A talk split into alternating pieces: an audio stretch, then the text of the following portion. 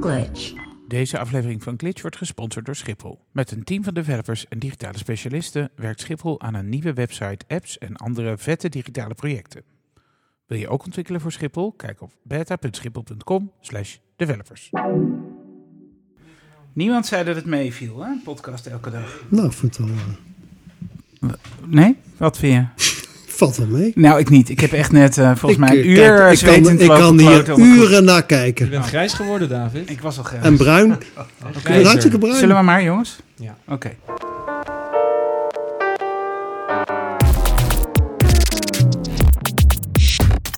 Glitch. Dit is Glitch, een podcast over de interactie tussen mens en machine. Alweer? Ja, alweer. Ik ben David Linsen Ik ben Reinier Ladan. Ik ben Joost Holthuis. en we hebben een gast vandaag. Hartstikke leuk. Leuk. Paco Heidendaal. Welkom. Eh, Paco is eh eh strateeg bij internetbureau TamTam. Je bent ook op Zuid bij Zuidwest en vandaag ben je bij ons. Yes. Welkom. Welkom.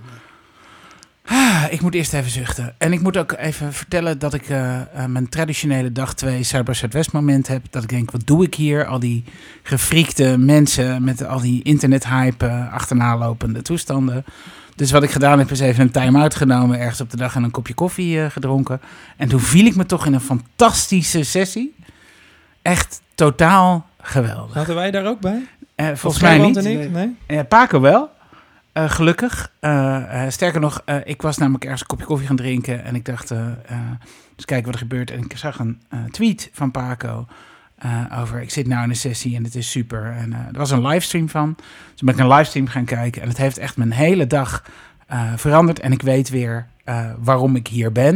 En ik zal jullie er straks meer over vertellen. Cliffhanger. Hey. Oké, even een klein rondje. Ja, Ehm, we hebben ook sinds van eh, deze aflevering een nieuw eh uitzendmoment, hè? Dus het is niet meer in de ochtend in Nederland dat we hem online knallen, maar in de middag. Ja. ja, ja. Dat is om onszelf een beetje helder te houden. Ja, om de logistiek eh, wat makkelijker te maken. Heel even kort een rondje. hoe was jouw dag, Renier? Eh, Een beetje hetzelfde als gisteren. Sommige dingen waren leuk, sommige dingen ben ik weggelopen. En ehm, ja, ik heb geen gekke dingen gegeten vandaag. Dat eh, viel weer mee. Geen geitenkaas-ijs, geen jerky beef, eh, geen margarita's met jalapenos. En wat was jouw hoogtepunt van de dag, eh, Joost? Nou, volgens mij is mijn dag eh, gewoon dus een teken van conversational user interfaces. Begin van de dag, eind van de dag. En tussendoor wat eh, mindere eh, sessies gehad. En twee sessies waar je gewoon niet, eh, die uitverkocht waren, helaas. Wat was je leukste sessie vandaag? De eerste sessie, de, een panel sessie over conversational eh, user interfaces. En wat zijn eigenlijk in godsnaam conversational user interfaces? Ja, Wat eigenlijk heel voorstellen? simpel een eh, interface waarbij eh, de, de, de chatfunctie als basis dient. Je stelt een vraag of er wordt je een vraag gesteld, je krijgt antwoord en op die manier haal je informatie los, word je gecoacht. Of kan je producten afsluiten, kan je geld overmaken. WhatsApp. WhatsApp of Lark, dat is een, een, een applicatie, hebben we het in de nulsessie over gehad, eh, waarbij je gecoacht wordt om je, je medische ge- gezondheid eh, op peil te houden. Maar een hele belangrijke is WeChat in China. Een hele grote jongen die in Nederland volgens mij veel te weinig bekend is. Eh, En dan gaat het vooral dat je geen mens-tot-mens contact hebt, maar mens naar Mens- artificial intelligence of zo. Ja, mens nou, eh Lark is echt mens naar artificial intelligence en eh, WeChat is mens naar eh, een soort Slack-bots. Dat Ja. is eigenlijk iets simpeler. Eh, en je hebt in China 10 miljoen bedrijven die personalities hebben aangemaakt eh, waar je naar kan chatten. Je kan geld overmaken.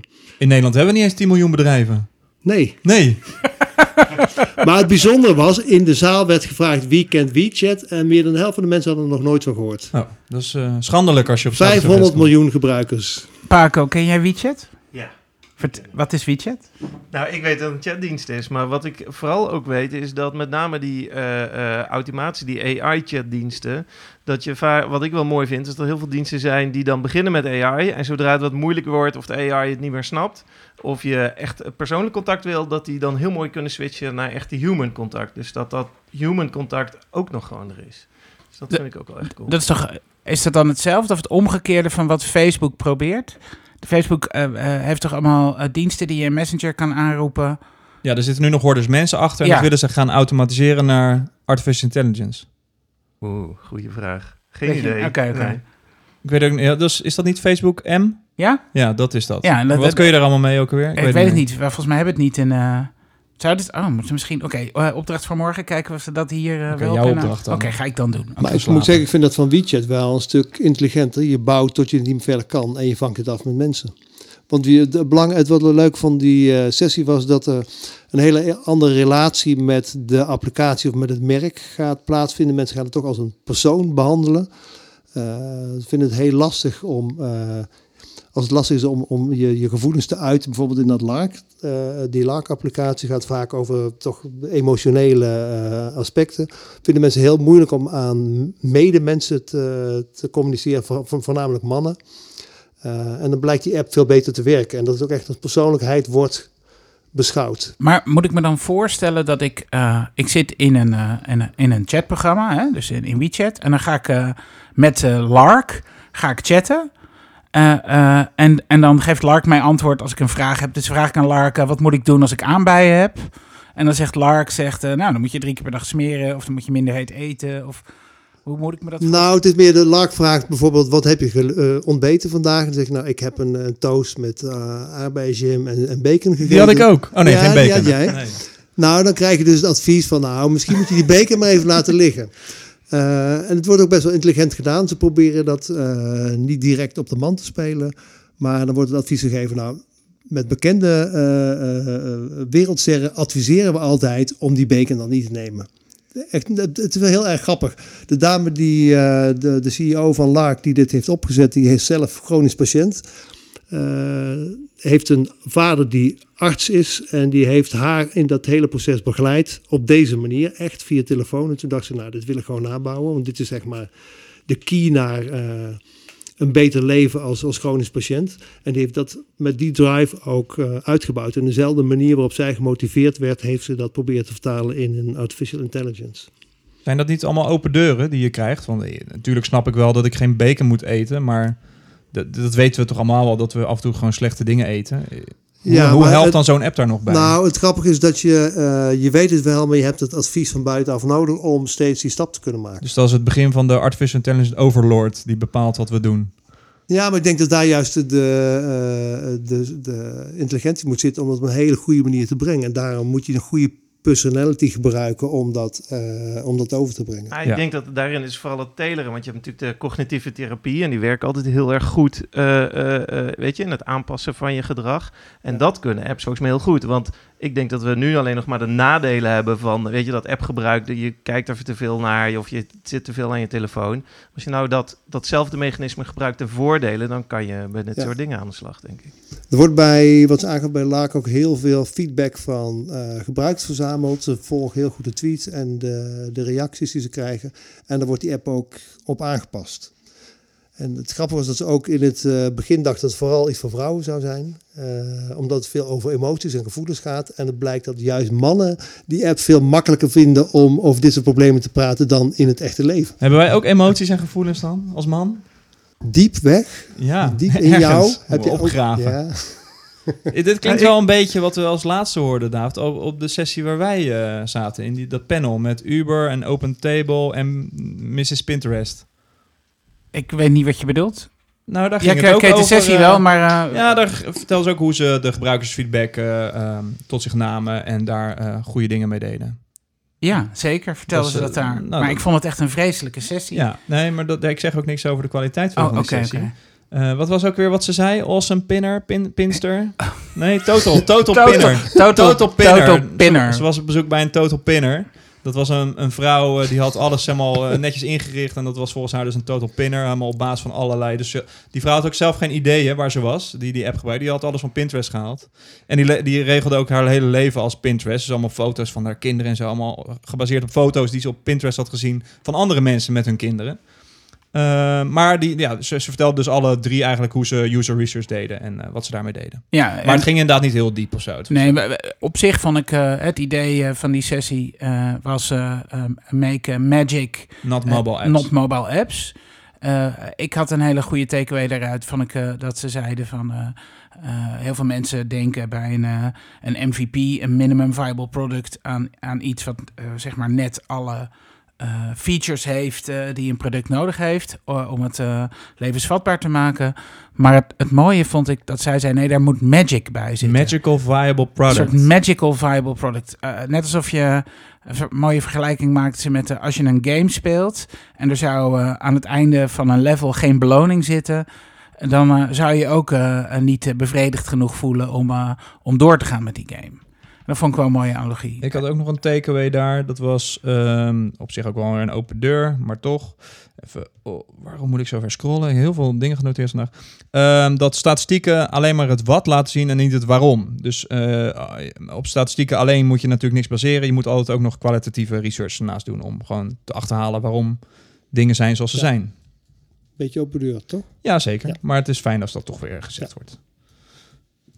Ja, dat, eh, dat wil ik nog even kwijt. En ehm, eh, was dat ook gelijk jouw favoriete sessie Nee. van de dag? Nee, maar dat, ehm, ehm, dat was een sessie met niet heel veel inhoud, maar het was wel heel leuk.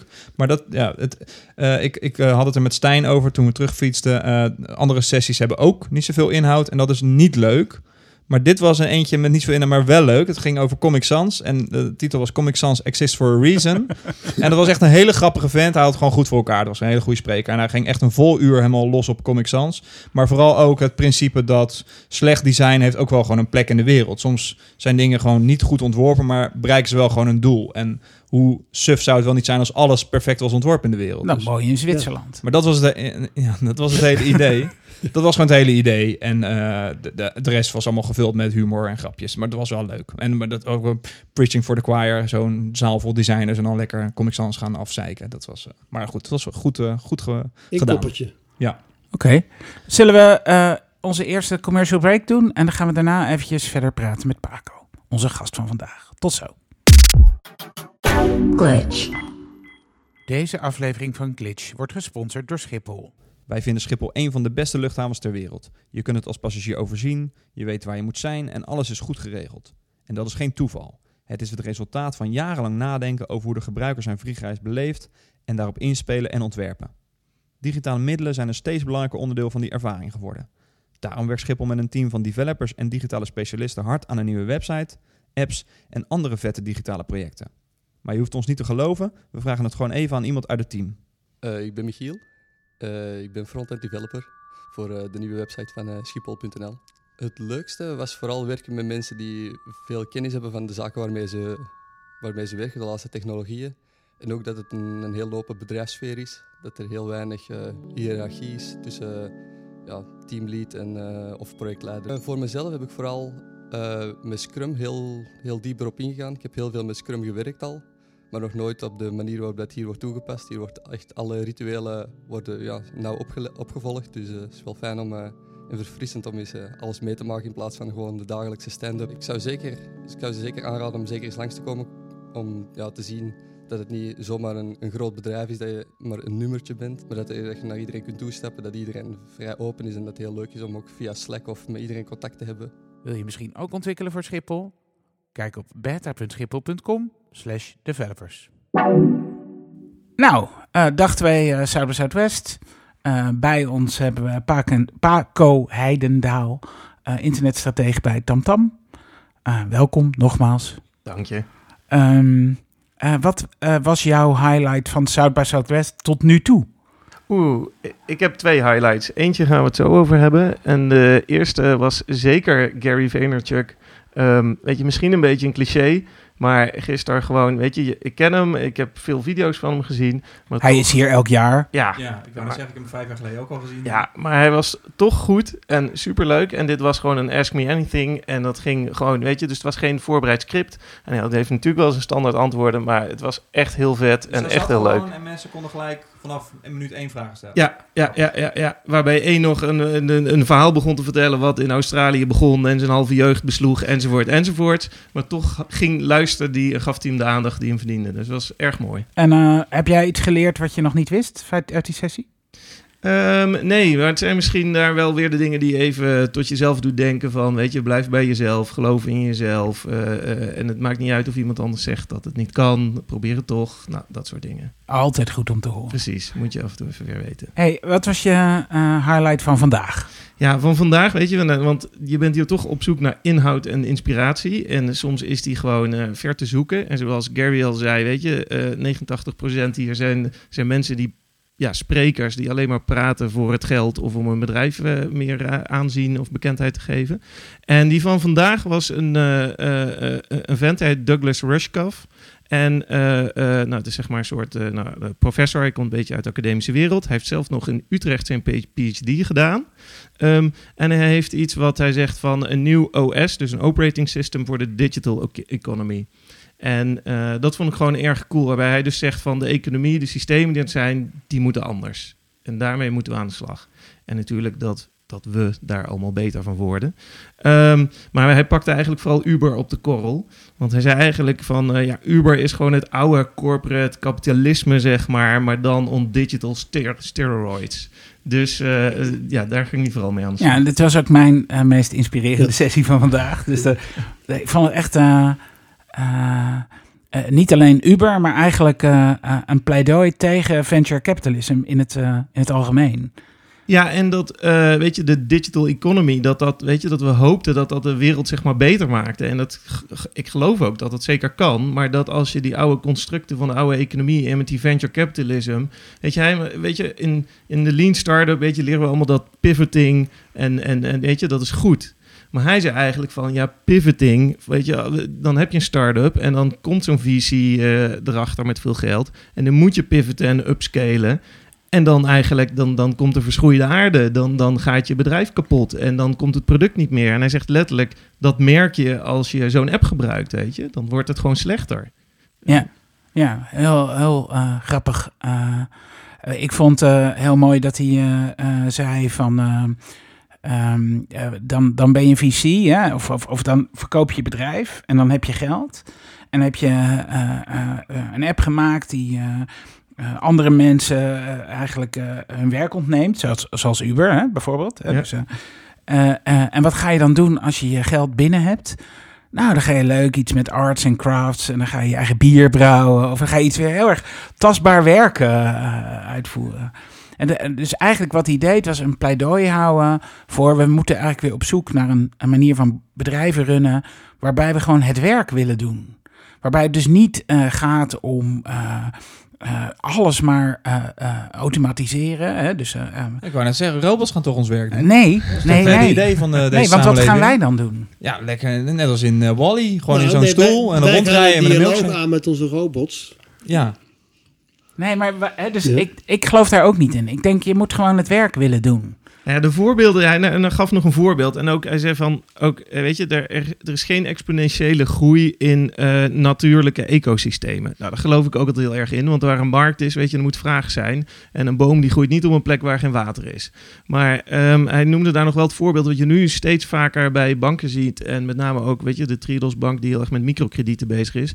Ehm, hij zei van, ja, wat nou als je een pizzeria in een buurt hier in Amerika ergens hebt. Weet je, waarom zou die nou niet minstens de helft van, dus een investeerdersbedrag die, dat hij nodig heeft om een pizzeria te bouwen, ehm, uit de buurt moeten krijgen, weet je? En dan ga je echt het ecosysteem, want dan moeten eigenlijk hun klanten de buy-in krijgen eh, ja, voor die pizzeria. En die zijn veel meer betrokken. En dan ontstaan natuurlijk allemaal side effects. En dan gaan ze minder bestellen bij grote ketens. En dan doorbreek je dat patroon wat hij eh, schetste. Dat eh, door de, eh, dat alles maar internet gebaseerd wordt.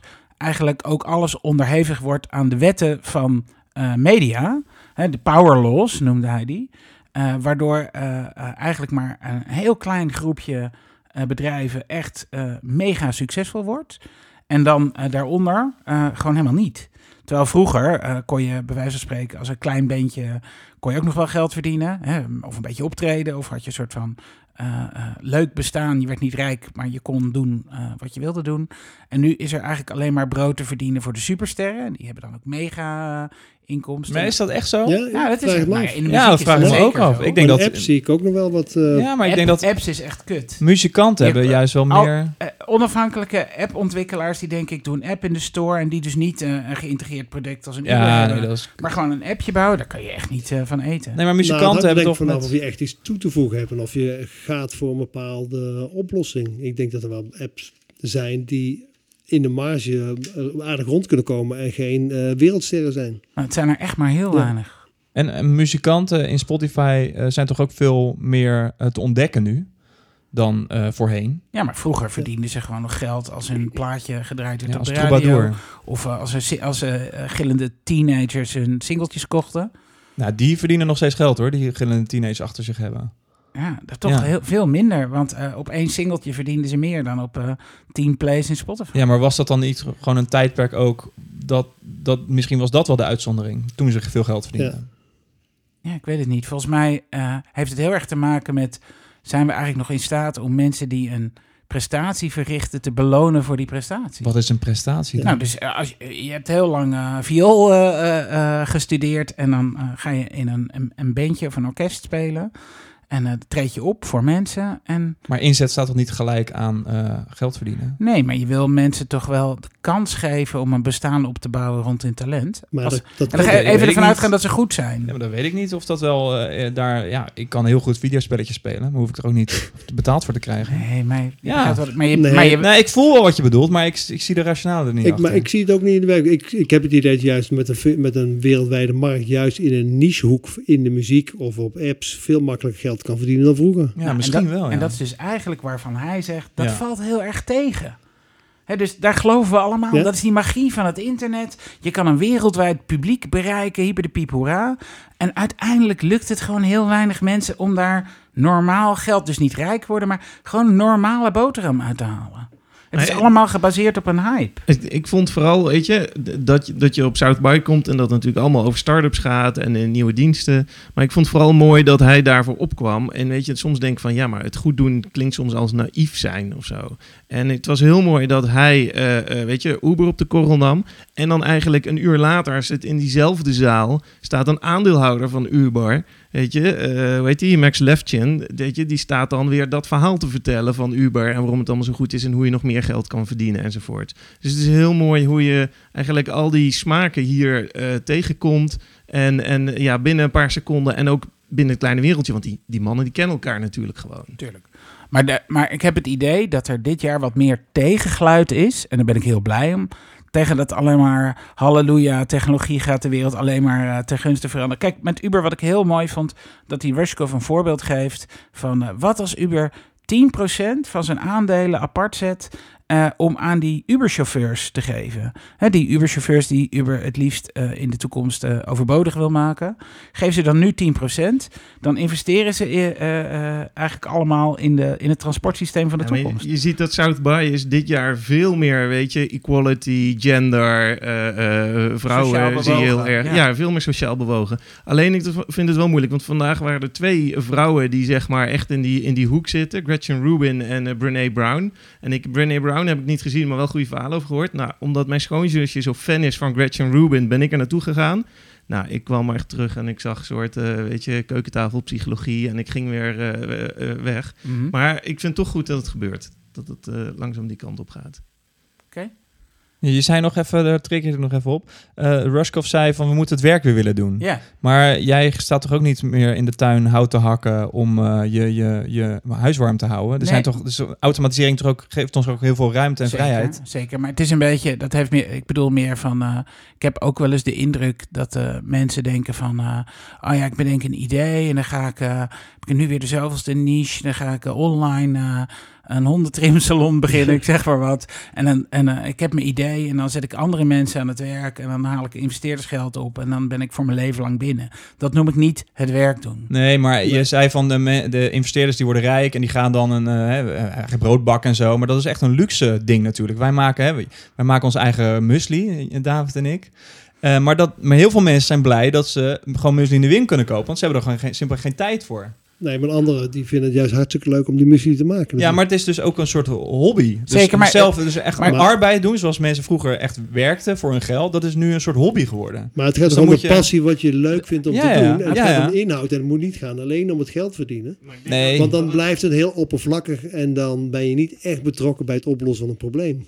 Nee, en, maar ik, ik bedoel, het gaat meer om een soort van bevrediging halen uit je leven. Waar haal je dat Ja. uit? Ga je eerst, eh, zeg je, ik doe kutwerk, maar ik eh, heb heel veel investeringsgeld. En dan eh, daarna ga ik genieten, rentenieren, bladibladibladibla.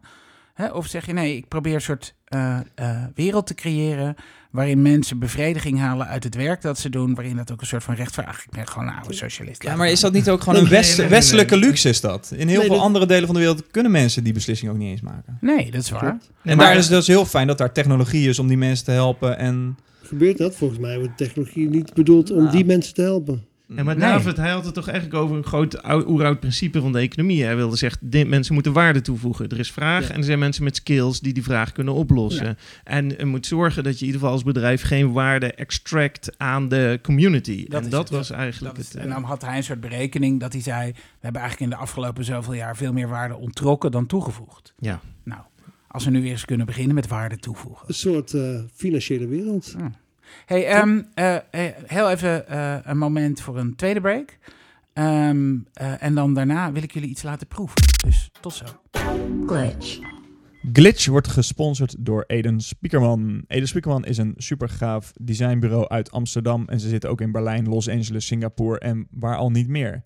En ze zijn op zoek naar mensen. Joost, naar wie zijn jullie allemaal op zoek? We zijn op zoek naar een jonge hond met 1 tot 2 jaar ervaring in branding en digital. Eh, een echte creatieve waaghals die al eh, zeker drie keer hard op zijn bek is gegaan. Eh, als je denkt dat je daaraan voldoet of ken je iemand uit je omgeving, heb je een gouden tip. Dan word je beloond met een aantal Nederlandse biertjes en Duitse worsten.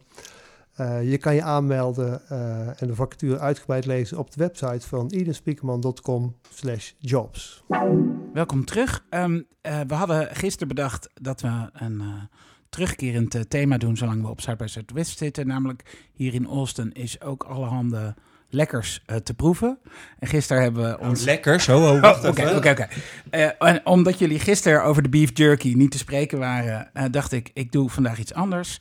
Eh Austin staat bol van de microbreweries en andere spannende dingen. Dus ik heb twee biertjes uit, lokale biertjes uit Austin meegenomen. Joost, als jij de, die je in je hand hebt even wil... De Powerlight. Power Light, Power and Light. Pale Ale. Oh. En Reinier, wat is de andere? Fourth Tap Brewing Co-op van Renewal Tamarind Wheat Ale.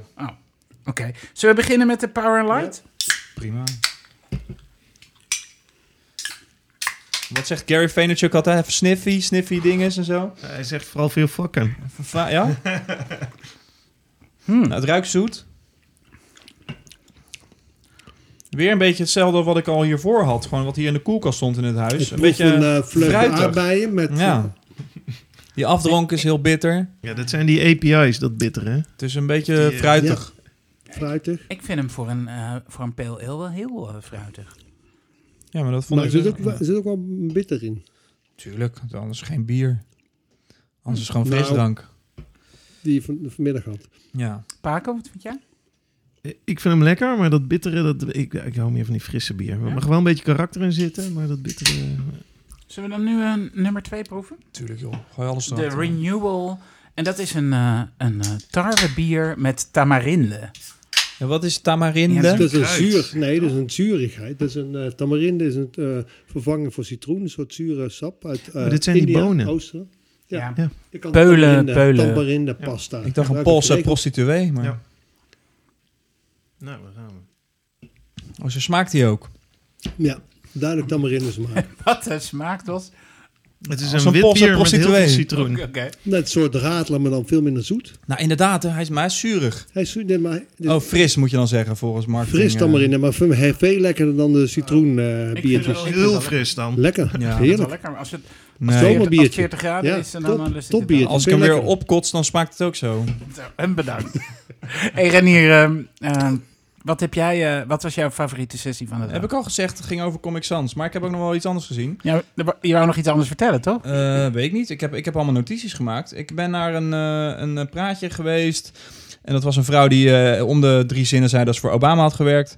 Eh, dus dat eh, heb ik weer. Dat heb ik eigenlijk elke keer dat ze allemaal reclame voor zichzelf aan het maken zijn. Maar dat heette Game of Drones. Nou, dat vond ik leuk. Dus daarom ging ik heen. Innovators en Policymakers Unite. Nou, dat was een best wel een leuk praatje over ehm, eh, de problemen die, die ze nu tegenkomen met het schrijven van wetgeving. Want ehm, eh, drones, ja, dat is nou eenmaal de titel die ervoor is gekozen. Maar dat gaat van speelgoed tot killer drones. Die Obama Afghanistan Mhm. en Irak instuurt. En, en weet, weet ik veel waar. Eh, maar op een gegeven moment eh, ging het echt heel erg over Amerikaanse politiek. En ik heb eh, best wel wat House of Cards en uh, Veep gekeken. Maar eh, nog steeds heb ik geen benul wat nou Amerikaanse politiek allemaal inhoudt. Eh, dus toen ben ik weggegaan en heb ik echt House of Cards gekeken. Want daar ben ik nu klaar mee met seizoen 4.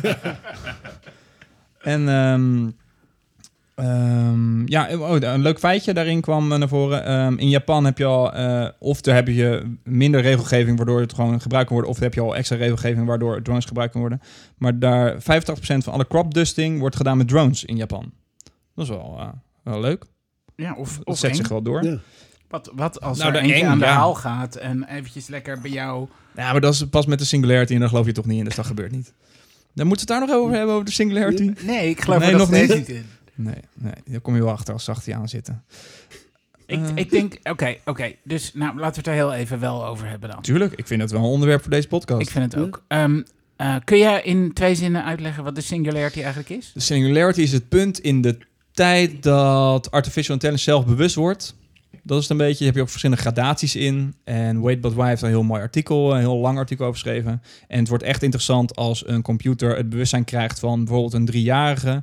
Eh, omdat eh, eh, met alle computerkracht die dan tot de beschikking staat van die driejarige, kan die zichzelf binnen nuttele, nuttele seconden gewoon transformeren tot iemand hè, die ho- 100.000 jaar oud is geworden, bij spreken. Dus tien keer zo slim als Einstein en nog wat. En dat versnelt zich dan heel snel. En Dus- wat gebeurt er dan? Ja, dat, dat, ja, dat is allemaal een kwe- kwestie van speculatie. Wat gebeurt er dan? Het ligt eraan of dat ding dan toegang heeft tot het internet. Want dan is die los. Dan krijg je Skynet en dan, eh, dan krijg je Terminator-verhalen. nou ja, om, nou, eh, heel simpel. eh, de, het is gewoon allemaal, allemaal speculatie natuurlijk. Maar je geeft zo'n ding een simpele opdracht. Eh, bijvoorbeeld eh, zorg ervoor eh, dat je alle citroenen oogst. En eh, dat ding ja, neemt dat letterlijk. Dus die, gaat er, die, die bedenkt dan ineens... ja, fuck, die mensen hier op aarde... die gaan mij belemmeren om die citroenen uiteindelijk te oogsten. Dus ik ga alle mensen doodmaken... want dan kan ik die citroenen blijven oogsten. Maar dat is, dat is geen zelfbewustzijn, dat is gewoon doel. nee, ja, ja, ja oké. Ja, nou, dat, En dan dat krijg je zo'n klopt. zuur biertje. Ja. Maar, en, ja. Ja. En, maar waarom zou die eh, eh, computer, die helemaal geen citroenen nodig heeft... Hè, dus, want die computer hoeft Ja. helemaal niet in een fysieke wereld te leven. Wij wel, wij zijn Ja. afhankelijk, hebben zuurstof nodig en Ja. allerhande dingen. Die computers niet. Nee. Dus dan kan je ook zeggen, eh, lekkere zelfbewuste computer, eh, ga jij eens eh, met je zelfontwikkelde artificiële intelligentie in een ruimteschip stappen en op Mars wonen? Ja, misschien kunnen we wel met hem praten dan gewoon... en dan een beetje met hem dealen. Daar Ja. hoop ik op. Ja, Ja, Ja, maar het is toch een ander soort. Ja, maar ik, ik, nou, oké, ik weet dus niet wat er gaat gebeuren als het gebeurt. De singularity. Ik vind het ook een beetje een, eh, inderdaad een vaag ding. Maar ik geloof wel dat het zou kunnen. Eh, ik ik Ja. geloof namelijk dat onze hersenen gewoon uit eh, allemaal elektronen bestaan. En dat is prima te virtualiseren uiteindelijk. Maar uiteindelijk is natuurlijk die hele bewustzijn en de, de drang om naar eten te zoeken, is niet alleen je hersenen, dat is een hele combinatie met je hersenen, is met je lichaam. Ja, klopt. Maar Dus dan zou die- een die robot ook een andere drang. Precies, maar die zou ook een lichaam moeten krijgen. Dus je krijgt Ja, maar daar gaat het dus om, hè? Het gaat met om- de beperkingen die wij natuurlijk ook hebben. Ja, maar het gaat er ook om... Nou, dat hoeft niet per se. Het is dan meer het feit dat hij zelf bewust wordt. En hij wil zichzelf in stand houden. Dat is een soort van drang die ieder zelfbewust persoon Maar wat heeft, ik. zelfbewustzijn dan? In jouw uh? Eh, een- dat je snapt wie je zelf bent. Ja, maar ook Dat je snapt anders, wat je mij. zelf bent. Dus dieren hebben dat volgens mij niet. Die snappen niet per se wat ze nou, wat voor plek ze innemen in deze wereld. Nee, Maar denk die- je dat? die Ja, dat denk ik. Ja, dat denk ik. Ja, misschien Oké, dolfijnen jij- wel. Jij denkt aan de superioriteit van, van mensen ten opzichte van Nee, dieren. eh, nou ja, in dat geval, ja, zelfbewustzijn is, Ja. is iets unieks aan Ja, aan denk je mensen. echt? Denk, Oké. Nou ja, Ja, dat ben je ik niet alleen. Dat je zijn bedoelt het effect van filosofen die dat een, denken. een kat die zichzelf in de spiegel ziet, herkent zichzelf niet. nou, dat misschien niet eens, maar die snapt niet wat hij zelf is. Hoe weet je dat? Ja, nee, dat, natuurlijk weet je dat niet. Oké, goed. Maar oké, Heel laten ander we, onderwerp. la- Ja. nee, nee, nee, laten we aannemen dat het zo is. En dan eh, eh, zijn computers ook zelfbewust. Zijn wij dan niet meer de baas over ze? Wat is de baas? Weet ik veel. Nou, nu zijn we. De, als ik mijn computer uitzet, is het klaar. Nou, volgens mij Nou, was ja. eh, een half uur geleden de computer de baas over jou. Ja, eh, over of je bacon mag eten of Ja, niet. dat- Ja, dat ook, ja. Hij kreeg drie kanalen niet aan en jij ging in de stress en alles doen om hem te pleasen, zodat we alle vier hier eh, in konden praten. En eh, dames en heren luisteraars, aangezien we nu weer met z'n vieren Ja. in deze podcast zitten, ben ik nog steeds de baas over mijn eigen laptop. eh. nee, maar even afgezien daarvan. Ik, ik Ehm. weet niet wat dat inhoudt, de zelfbewustzijn van een computer. Als computers eh, eh, zoveel slimmer worden en zoveel meer kunnen. Hè, en dan krijg je robots erbij en dan gaan ze ons allemaal werk uit handen nemen. Dan kom je weer terug bij die basisvraag. Ja. Wat gaan wij dan de hele dag doen? Ja, maar moeten we dan maar blijven werken omdat we anders niks te doen hebben? Dat is natuurlijk ook een Tuurlijk. rare Ja, stelling. Ik dan- denk het wel. werken wij toch? Dus eh, we moeten gewoon in die red race blijven om eh, Ja. gewoon maar wat te doen te hebben. Ja, want het- Ja. anders, anders eindig je echt eh, zoals in... hoe heet die film met die robot? Ja, ook weer? Wall-E. Ja, Wally, ja. Nou, dat weet ik niet. Ik denk niet dat dat de enige uitkomst is van zo'n situatie. Slurpies drinken in een zweefstoel. Ja, waarom? Ja, Als je daar voldoening uit haalt, prima. Maar Nee, er maar zijn dus genoeg het, andere... gaat, oké, dus het gaat er toch weer om dat je ergens voldoening uithaalt. Ja, wat dat dan ook mag, mag Ja. zijn. Ja, nee, maar wat dat dan ook mag zijn. Ja. ja. ja. Maar dat kan toch... En, en dan levert dat misschien als bijproduct een zuur biertje op. Ze, ze- Omdat- hij is heel zuur, ja. Ja. Maar eh, dus... ehm, het ga, als je nou toch eh, mensen uiteindelijk een omgeving wil bieden in een nieuwe wereld... waarin we met eh, robots en computers problemen op kunnen lossen...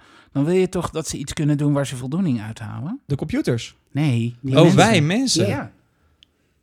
Ja. Maar waarom moeten we dat voor die mensen bepalen dan? Dat kunnen mensen toch zelf beslissen? Nee, ik bedoel, eh, je moet toch willen streven naar zo'n wereld. Oh. In plaats van streven naar een wereld waarin alles uit handen genomen wordt en alles alleen maar.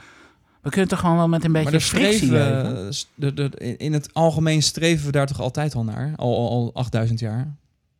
Ja, maar misschien is nu wel het punt gekomen dat, het, dat we moeten accepteren dat je dat helemaal niet voor altijd moet willen oplossen. Ik weet niet meer hoe we hier kwamen. Ik ook niet. Goed, ehm, we dwalen af. Eh, Joost. Morgen weer over de Eh, single. ja, ja, morgen. ik ga toch proberen het beter te begrijpen. Ik weet het niet. ja. Dit lijkt me bij uitstek de omgeving ervoor. ja. Joost, had jij nog iets eh, wat je met ons wilde delen over vandaag? Nou, ik denk alleen mijn laatste sessie. Ehm, dat ging over. Hoe heette de, hoe heette de sessie? Ik pak er even bij. Multi-device Mambo UX. Ehm, ik dacht in het begin toen, die, eh, toen, het, eh, toen de sessie begon dat het over de complete user experience multi-device. Maar dat was niet zo. wat? Dat was niet zo. Nee, het bleek al heel snel een technisch eh, eh, gimmick verhaal te zijn. Waarmee werd gekeken hoe kan je eh, apparaten met elkaar laten communiceren. Hoe kan je data op je, van je pc naar je, eh, naar je smartphone En krijgen. hoe ging dat dan? Je houdt je smartphone op je scherm van je pc. En je sleept dan je mapje op je direct oh, dat je waren PC allemaal in. nog uh, toekomstideeën. Nee, nee, nee, het Oh. werkt al. En je, je kunt met je hand grijp je informatie van je laptop en je gooit het naar je pc, waardoor de bestanden getransformeerd Is dat dan de worden. beste manier om dat te doen? Is dat, Dat vroeg me dus ook af, maar er was- zat heel veel eh, techniek achter. Het werkte al. eh, je eh, hebt toch ook een soort continuity van Apple, weet je, waarin je de een doorgaat. Ja, wat heel vaak ja, niet werkt. Uiteindelijk Ja, ging het er klopt. meer om eh, wat, wat Samsung had. Eh, die heeft een, een heel systeem bedacht waarbij je, eh, je vanuit je, je, je smartphone direct over kan stappen op je laptop of je tv. En Ja. je gooit je content over. Maar dat is veel meer op hardware en gimmick gebaseerd. En dat je een, een complete user experience Microsoft maakt. heeft het ook al. Dan kan je je telefoon als aansluiten op een scherm. en Maar zijn verhaal begon interessanter. Want ging, hij vroeg zich af, hoe, hoe, hoe komt het dat je... eh, op het moment dat je een probleem hebt met je creditcard... en je krijgt een, eh, een telefonische, automatische telefonische eh, beantwoorder... die je uitvraagt over je problemen. eh, waarom is dat zo'n ongelooflijk gebroken ervaring? Dus ik dacht, nou, uiteindelijk gaat het erom om die ervaring aan elkaar te plakken. Maar het was, Wacht, wacht even, ik snap het niet. Ik snap het Nee? niet. Ervaring aan elkaar plakken, David. Ja, nee, maar de- ik snap het probleem niet. Als je een, iemand aan de, telefoon- aan de telefoon beantwoordt... Nou, het was een robot aan een telefoon. Eh, je hebt een, een probleem met je, eh, met je creditcard. En vervolgens komt een robot aan je telefoon die je op een hele bijzondere of onaangename manier uitvraagt over je. Als hij nou zelf bewust was, die robot, dan had het een prettig gesprek geworden. veel beter geweest. Ja. En dan had je die hele ervaring bij elkaar, eh, zeg maar, mooi vloeiend kunnen krijgen. En wat was jouw belangrijkste takeaway daarvan? Of nou, het ging er meer om van, eh, we, we doen het omdat het kan. Het ging om eh, interactie tussen eh, mensen en eh, stofzuigers. Je kan een dialoog aangaan met je stofzuiger. Je kan dialoog Oh, aangaan met... Maak godverdomme een keertje schoon onder het aanrechtstof. Ja, precies. maar dat bestaat dus allemaal. Je gourmetstel kan je aan, aansturen met een afstandsbediening met je app. het was te bizar voor woorden. En uiteindelijk ging het er zelfs om dat die dingen onderling met elkaar communiceerden. Dat je stofzuiger zo blij was dat de magnetron de maaltijd had opgewarmd enzovoort. Ik ga het lekker met, met elkaar een feestje Toch vind ik dat niet zo raar hoor. Computers worden zo goedkoop dat het gewoon helemaal niet meer raar is om Ja. alle- al- in alles wat maar handig is een computertje te stoppen natuurlijk. Nee, maar, maar- ook al is er maar 10% een betere ervaring, je kan, hè, als je stofzuiger meer snapt van zijn omgeving, krijg je al een betere ervaring. Ja, maar hierin was ook geen enkele gebruiksbehoefte die werd ingevuld. Het was ook niet meer- van joh, nee, het was een, vervang de stofzuigerzak. Komt, heeft Nee. dit niet te maken met die singularity van jou? Dat die computers zijn zelfbewust, dus dan de zelfbewuste magnetron wil blij worden. Ja. Dat Ja. die, nou, enzovoorts. Ja, die laat jou geen eten meer opwarmen, want dan wordt hij niet blij van. Moet hij werken. Ik weet niet waar dit naartoe gaat. Hoe heette die sessie? Dan zet ik het in de show notes. Multi-UX. Multi-lul. Oh. Multi-device Mambo UX. Van Josh Clark. Het doet, me, het doet me toch ook een beetje Josh denken aan... Clark. aan Ja. De naam ken ik ervan. Van Big Medium. Heeft een boek geschreven, Designing for Touch. Vol- Volgens mij Oh. had een prima gast, maar uiteindelijk het verhaal ging te veel over technische gimmicks. Ah ja, oké. En dat was Ja, jouw highlight van de dag? Nou, toen daar kwam ik eigenlijk weer terug aan het begin van de dag. Uiteindelijk gaat het veel meer om de passie met eh, wat wil je oplossen. En ga daarvoor. En dat was eigenlijk wel zijn, volgens mij wel zijn einde van zijn sessie. Eén zin aan gewijd. Uiteindelijk moeten we hier nog een toepassing voor bedenken. Dat het ook een oplossing is voor een probleem. Dacht, Hmm. ja, daar had je mee moeten starten. Ja. Ja, lekker eh, technology-driven eh, innovation is dat. eh. ja, ik weet toch niet zo goed wat ik daarvan moet vinden hoor. Ik Het vind het zonde. Heel veel Ja. energie die je in de technische... eh, eh, Nou, aan de andere kant is het ook natuurlijk op eh, veel universiteiten het, eh, het credo van ga maar gewoon dingen onderzoeken en uiteindelijk komt er misschien wel iets nuttigs uit. Dat we vind zitten ik weer in het gesprek van gisteren met die man van Ja? SRI. Die, man, die Siri. eh Was ik daarbij? Ja, was je bij? Oh, Zat je hier tegenover? Ja. Ja. was je moe hè? Ja. Maar ehm, eh, ja, dus het heeft wel, maar ja, het, het kan wel nou, nut deels hebben. kan je alleen- ergens naartoe werken en heeft nut. Maar je communiceren met je, een dialoog aangaan met je stofzuiger of je magnetron. Ik weet niet of ik daarop zit te wachten. Ik niet. Ik, Nou, hangt, eh, hangt vanaf hoe, je, ik, hoe ze gekleed ik, is. Ik, ik denk hoe ze gekleed Nee, ehm, eh, als ik, ik zou het fijn vinden. Oké, oké. Ik, ik zit nu opeens op jouw spoor. Ik zou heel fijn vinden als het huis. eh, eh, als de stofzuiger gewoon gaat stofzuigen wanneer er stof gezogen moet worden. Ja. Ja, ja, daar heb je Roomba's voor, maar die werken voor gemeenten. nee. Nee. Fix dat dus. Ja. Ja. Maar het grappige is wel, dat kwam ook in die eerste sessie naar, naar voren, dat eh, mensen dan een stofzuiger toch als een personality gaan zien. Gaan op een hele andere manier communiceren van een stofzuiger. Verwachten dan op een gegeven moment ook, als het misgaat, een menselijke eh, reactie terug. Vond ik ook wel bijzonder. Nou, geloof ik wel. Ja. Ja. Let, er moet een naam en dan moet je iets bij kunnen voorstellen. En dan moet je een beetje op kunnen schelden. Ik ben ook wel benieuwd wat dat doet met het design van die apparaten zelf, weet je. Die worden waarschijnlijk dan ook Ja. heel anders gedesigned. Ik vind het heel Nou, nog niet, maar dan moet- dat verwacht je dan wel. Ja. Ik denk dat je dan eh, ook in, in de beweging, mimiek en hoe ze reageren, een soort menselijke reactie gaat verwachten. Ja. Dus daar ga je dan mee in een chat-applicatie, ga je daar berichtjes naar sturen. Ja. Zeg je, ik zou het toch wel heel fijn vinden als je vandaag nog een keertje... Ja, en zet ook even koffie. Maar David, daar noemde je nogal eentje. Terwijl David hier nog even aan het lachen is. Daar zijn stofzuigers niet voor. voor koffie. Nee. Nee. Nee, maar ik heb, ik heb bijvoorbeeld bij klanten gehad, hè, die wilden chatapplicaties op de website. En dan, eh, dan, dan ga je ermee aan de slag. En dan hebben ze daar een naampje voor, net zoals Siri een naam had. En dan hebben ze daar een icoontje voor met een, een vrouwtje of een mannetje of zo. Maar dan mensen ervaren niet dat het menselijk is, weet je. Om, met name omdat die AI nog niet goed genoeg is.